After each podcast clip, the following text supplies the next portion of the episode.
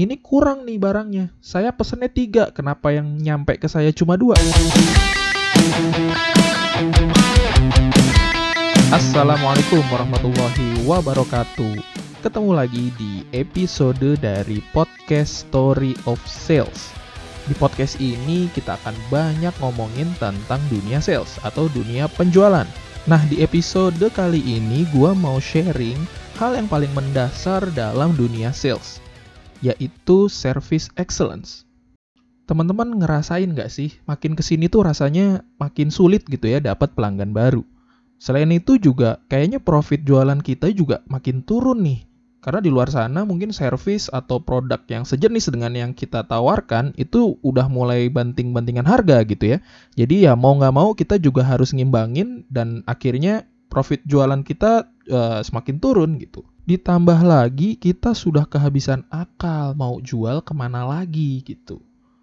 Nah kalau udah ada tiga hal yang tadi, sudah merasa sulit mendapat pelanggan baru, profit juga sudah turun terus, dan kita udah bingung mau jual ke mana, berarti itu sudah waktunya kita untuk mewujudkan service excellence.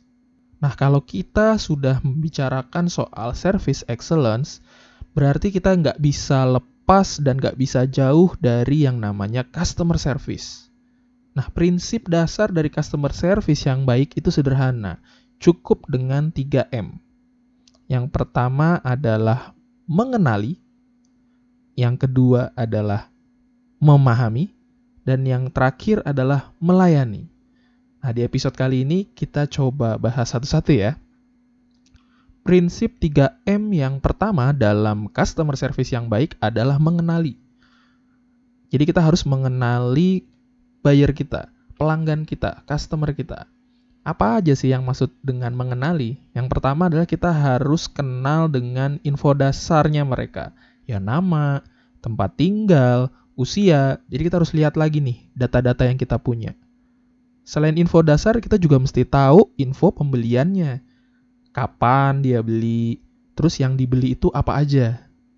Dan selanjutnya kita juga harus kenal kondisi perasaannya dia sekarang atau terakhir pembelian apakah di transaksi terakhir dengan kita itu senang atau sedih atau mungkin marah. Dan kalaupun marah atau ada masalah yang lain, kita harus tahu tuh letak masalahnya ada di mana. Setelah kita mengenali, prinsip 3M yang kedua adalah memahami. Apa yang dimaksud dengan memahami? Kita harus memiliki empati. Nah, kita sering dengar ya, empati dan simpati. Bedanya apa empati dan simpati gitu? Uh, empati itu lebih mengerti atas perasaan orang lain, keadaan orang lain, tapi kita nggak ikut untuk uh, terlena dalam perasaan itu. Jadi kalau misalnya kita tahu customer kita marah gitu ya sama pengalaman dia terakhir uh, bertransaksi dengan kita, kitanya jangan ikutan marah juga. Kita paham dia marah, tapi kita nggak ikutan marah. Itu namanya empati beda dengan simpati. Kalau simpati itu uh, kita mengerti perasaan orang, tapi kita ikut masuk dan terbawa. Nah itu nggak boleh, gitu ya. Jadi kita harus berempati kepada customer kita. Kita mengerti, tapi kita nggak ikut-ikutan untuk merasakan perasaan itu. Kenapa? Supaya apa? Nah ini poin yang selanjutnya. Kita mengerti penyebab masalahnya. Karena kalau empati itu kita bisa berpikir jernih kita bisa tahu, oh dia merasakan seperti itu karena penyebabnya A, B, C, D. Itu kita harus tahu. Dan ketika kita empati, kita bisa berpikir lebih jernih. Kita akan lebih peka. Gitu. Jadi itu pentingnya empati. Sekaligus nyambung ke poin yang kedua, yaitu kita harus tahu dan memahami penyebab masalahnya. Akar permasalahannya itu apa? Sumbernya dari mana? kita sebagai seorang sales atau penjual, kita harus menguasai sekali produk yang kita pasarkan, yang kita jual. Ketika ada masalah, kita juga harus tahu persis masalahnya ada di mana. Setelah kita tahu masalahnya ada di mana, sumber masalahnya di mana, maka seorang penjual yang baik harus menawarkan kemungkinan-kemungkinan solusi. Gitu. Jadi jangan hanya kita empati dan tahu masalahnya, tapi kita nggak tahu solusinya, itu nggak boleh kita harus menawarkan pilihan solusinya. Jadi solusi jangan hanya satu ya kalau perlu. Harus menghadirkan beberapa kemungkinan. Buat apa? Buat nanti kita tawarkan kepada customer dan mereka bisa memilih. Contohnya gini ya. Misalnya ada seorang pembeli atau customer yang tiba-tiba datang ke kita atau menghubungi kita bilang, Mas atau Mbak, ini kurang nih barangnya. Saya pesennya tiga, kenapa yang nyampe ke saya cuma dua? Nah, kita empati dulu, oh dia marah karena kurang uh, yang dia pesan gitu ya, barang yang datangnya itu kurang. Kemudian penyebab masalahnya adalah bagian pengiriman misalnya teledor gitu. Nah, kita jangan bilang misalnya, oh itu salah bagian pengiriman, bukan salah saya. Oh nggak boleh. Itu nanti nggak masuk dalam kategori service excellence sebagai sales yang baik, penjual yang baik, kita nggak boleh ngomong gitu. Kita bilang, baik pak, sebelumnya kami mohon maaf atas ketidaknyamanan yang bapak rasakan karena barang yang kami kirim ternyata jumlahnya kurang ya pak. Gini aja pak, gimana kalau barang yang kurang kami kirim besok pak? Kita kirim dengan ekspedisi yang paling cepat.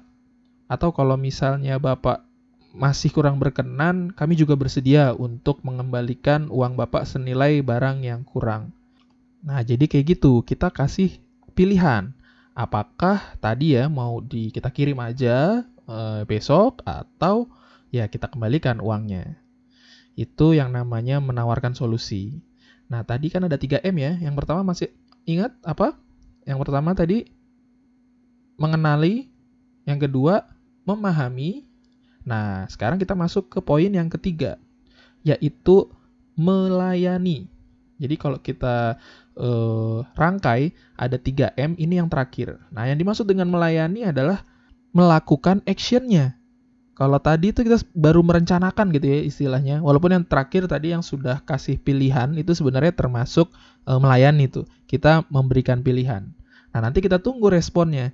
Ketika si pembeli sudah memilih apa yang kita tawarkan, nah kita segera tuh. Misalnya tadi si bapak yang kecewa tadi akhirnya mau ya udah di refund aja.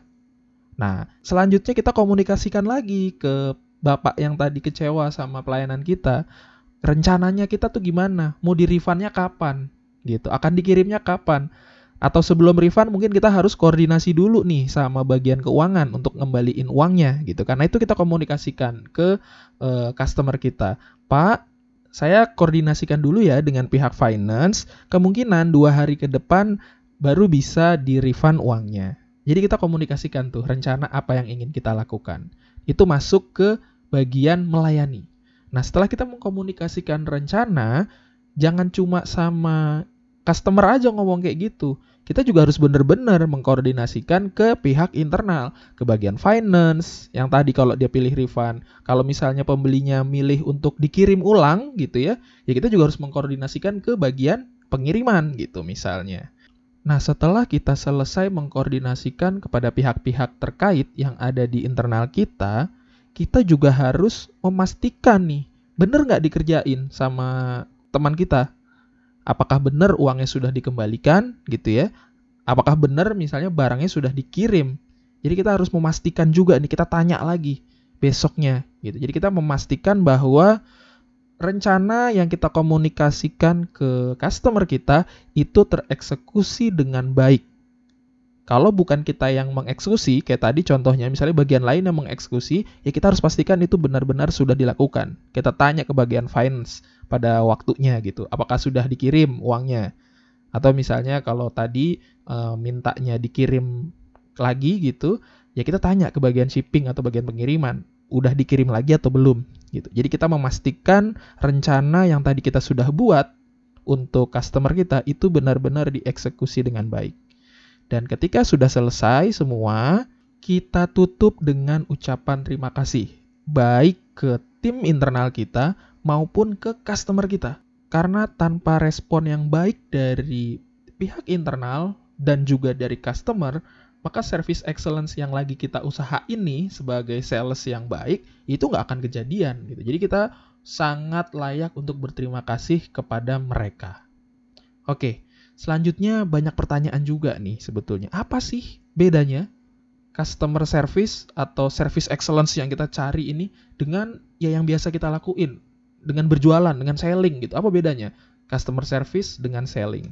Jadi customer service itu sebetulnya lebih mudah daripada selling. Kenapa? Karena customer service itu kita melakukan sesuatu ke customer yang eksis, yang udah ada. Kita nggak perlu cari-cari orang, yang udah ada, yang udah kenal sama kita, gitu customer service itu. Jadi itu lebih mudah. Selain lebih mudah, customer service juga lebih murah. Karena untuk kita bisa selling ke orang baru, itu tim marketing kan perlu ngiklan, perlu melakukan macam-macam gitu. Supaya kita bisa mendapatkan leads gitu kan kita bisa selling. Tapi nggak dengan customer service. Customer service orang udah ada kok. Kita nggak perlu cari orang baru lagi nggak perlu cari customer baru lagi. Jadi lebih murah.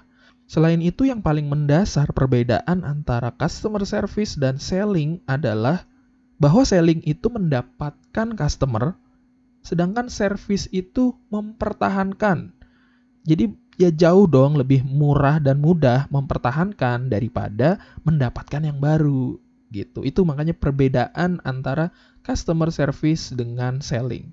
Nah, kalau boleh kita analogikan seperti tong, tong air gitu ya. Di mana air itu adalah customer, jumlah customer. Dan tongnya ini adalah ya kegiatan sales yang kita sedang usahakan nih, bisnis kita nih, gitu, perusahaan kita nih. Dengan berjalannya waktu, itu tongnya itu mengalami kebocoran. Nah, katakanlah kayak tadi ya, salah pengiriman, gitu kan. Akhirnya pembeli kecewa, customer kecewa, dia nggak mau balik lagi. Atau mungkin produk yang sudah mereka beli rusak, gitu kan. Mereka jadi akhirnya males beli lagi. Nah, itu kebocoran-kebocoran yang ada di tong kita nih. Airnya lama-lama habis. Customernya lama-lama habis. Nah, apa yang bisa kita lakukan supaya tong itu tetap penuh dengan air. Bisnis kita atau perusahaan tempat kita bekerja tuh tetap penuh dengan customer gitu, tetap penuh dengan pembeli. Gimana caranya? Ada dua dong, kalau kita bicara tentang tong ya tadi ya. Ada dua caranya. Yang pertama, ya kita isi terus dengan air tongnya. Ya nggak? Atau bocornya kita tambel. Gitu. Nah, di antara dua itu, yang paling murah dan paling mudah adalah nambel. Kan sebelumnya udah kita isi sebetulnya dan kalau misalnya kita bisa jaga sebetulnya kan nggak habis-habis nggak perlu kita isi ulang. Cukup dengan kita tambal aja sebetulnya. Kalaupun mau diisi ya diisilah sedikit-sedikit gitu kan. Tapi kalau tambelannya ini nggak kita usahakan dengan baik ya kita akan capek ngisi-ngisi terus kita akan capek cari terus customer baru. Padahal keadaannya sudah semakin susah sekarang, sudah semakin mahal untuk mendapatkan customer baru. Makanya proses customer service supaya jadi service excellence itu menjadi penting banget bagi sebuah bisnis atau perusahaan tempat kita bekerja. Itu kira-kira gambarannya ya. Eh, kenapa sih kok penting banget gitu ya eh, service excellence itu. Nah, terakhir nih, untuk mencapai service excellence, kita sebagai seorang sales harus punya lima sikap. Yang pertama adalah percaya diri. Kita harus pede dong sebagai seorang sales. Yang kedua adalah berpikir positif. Nah, itu penting banget. Kita harus berpikir positif. Jangan sekali-sekali berpikir negatif bahwa kita akan bisa berhasil dan sukses. Sikap yang ketiga adalah berbahasa juga positif. Ya, hati-hati. Berbahasa itu penting banget. Sikap yang keempat adalah antusias. Jadi jangan tuh ya uh, males-malesan gitu pas lagi ngomong sama customer. Nggak, itu nanti tidak tercapai tuh service excellence. Dan sikap yang terakhir adalah tidak menunda. Nah ini penting banget nih. Karena gimana kita bisa ngasih pelayanan yang terbaik kalau kita suka nunda-nunda, ya kan? Jadi ada lima sikap service excellence. Saya ulang, yang pertama adalah sikap percaya diri, yang kedua berpikir positif, yang ketiga berbahasa positif, yang keempat antusias, dan yang terakhir adalah tidak menunda. Oke, sekian sharing di Story of Sales pada episode kali ini. Semoga ada manfaatnya buat teman-teman. Saya pamit undur diri. Wassalamualaikum warahmatullahi wabarakatuh.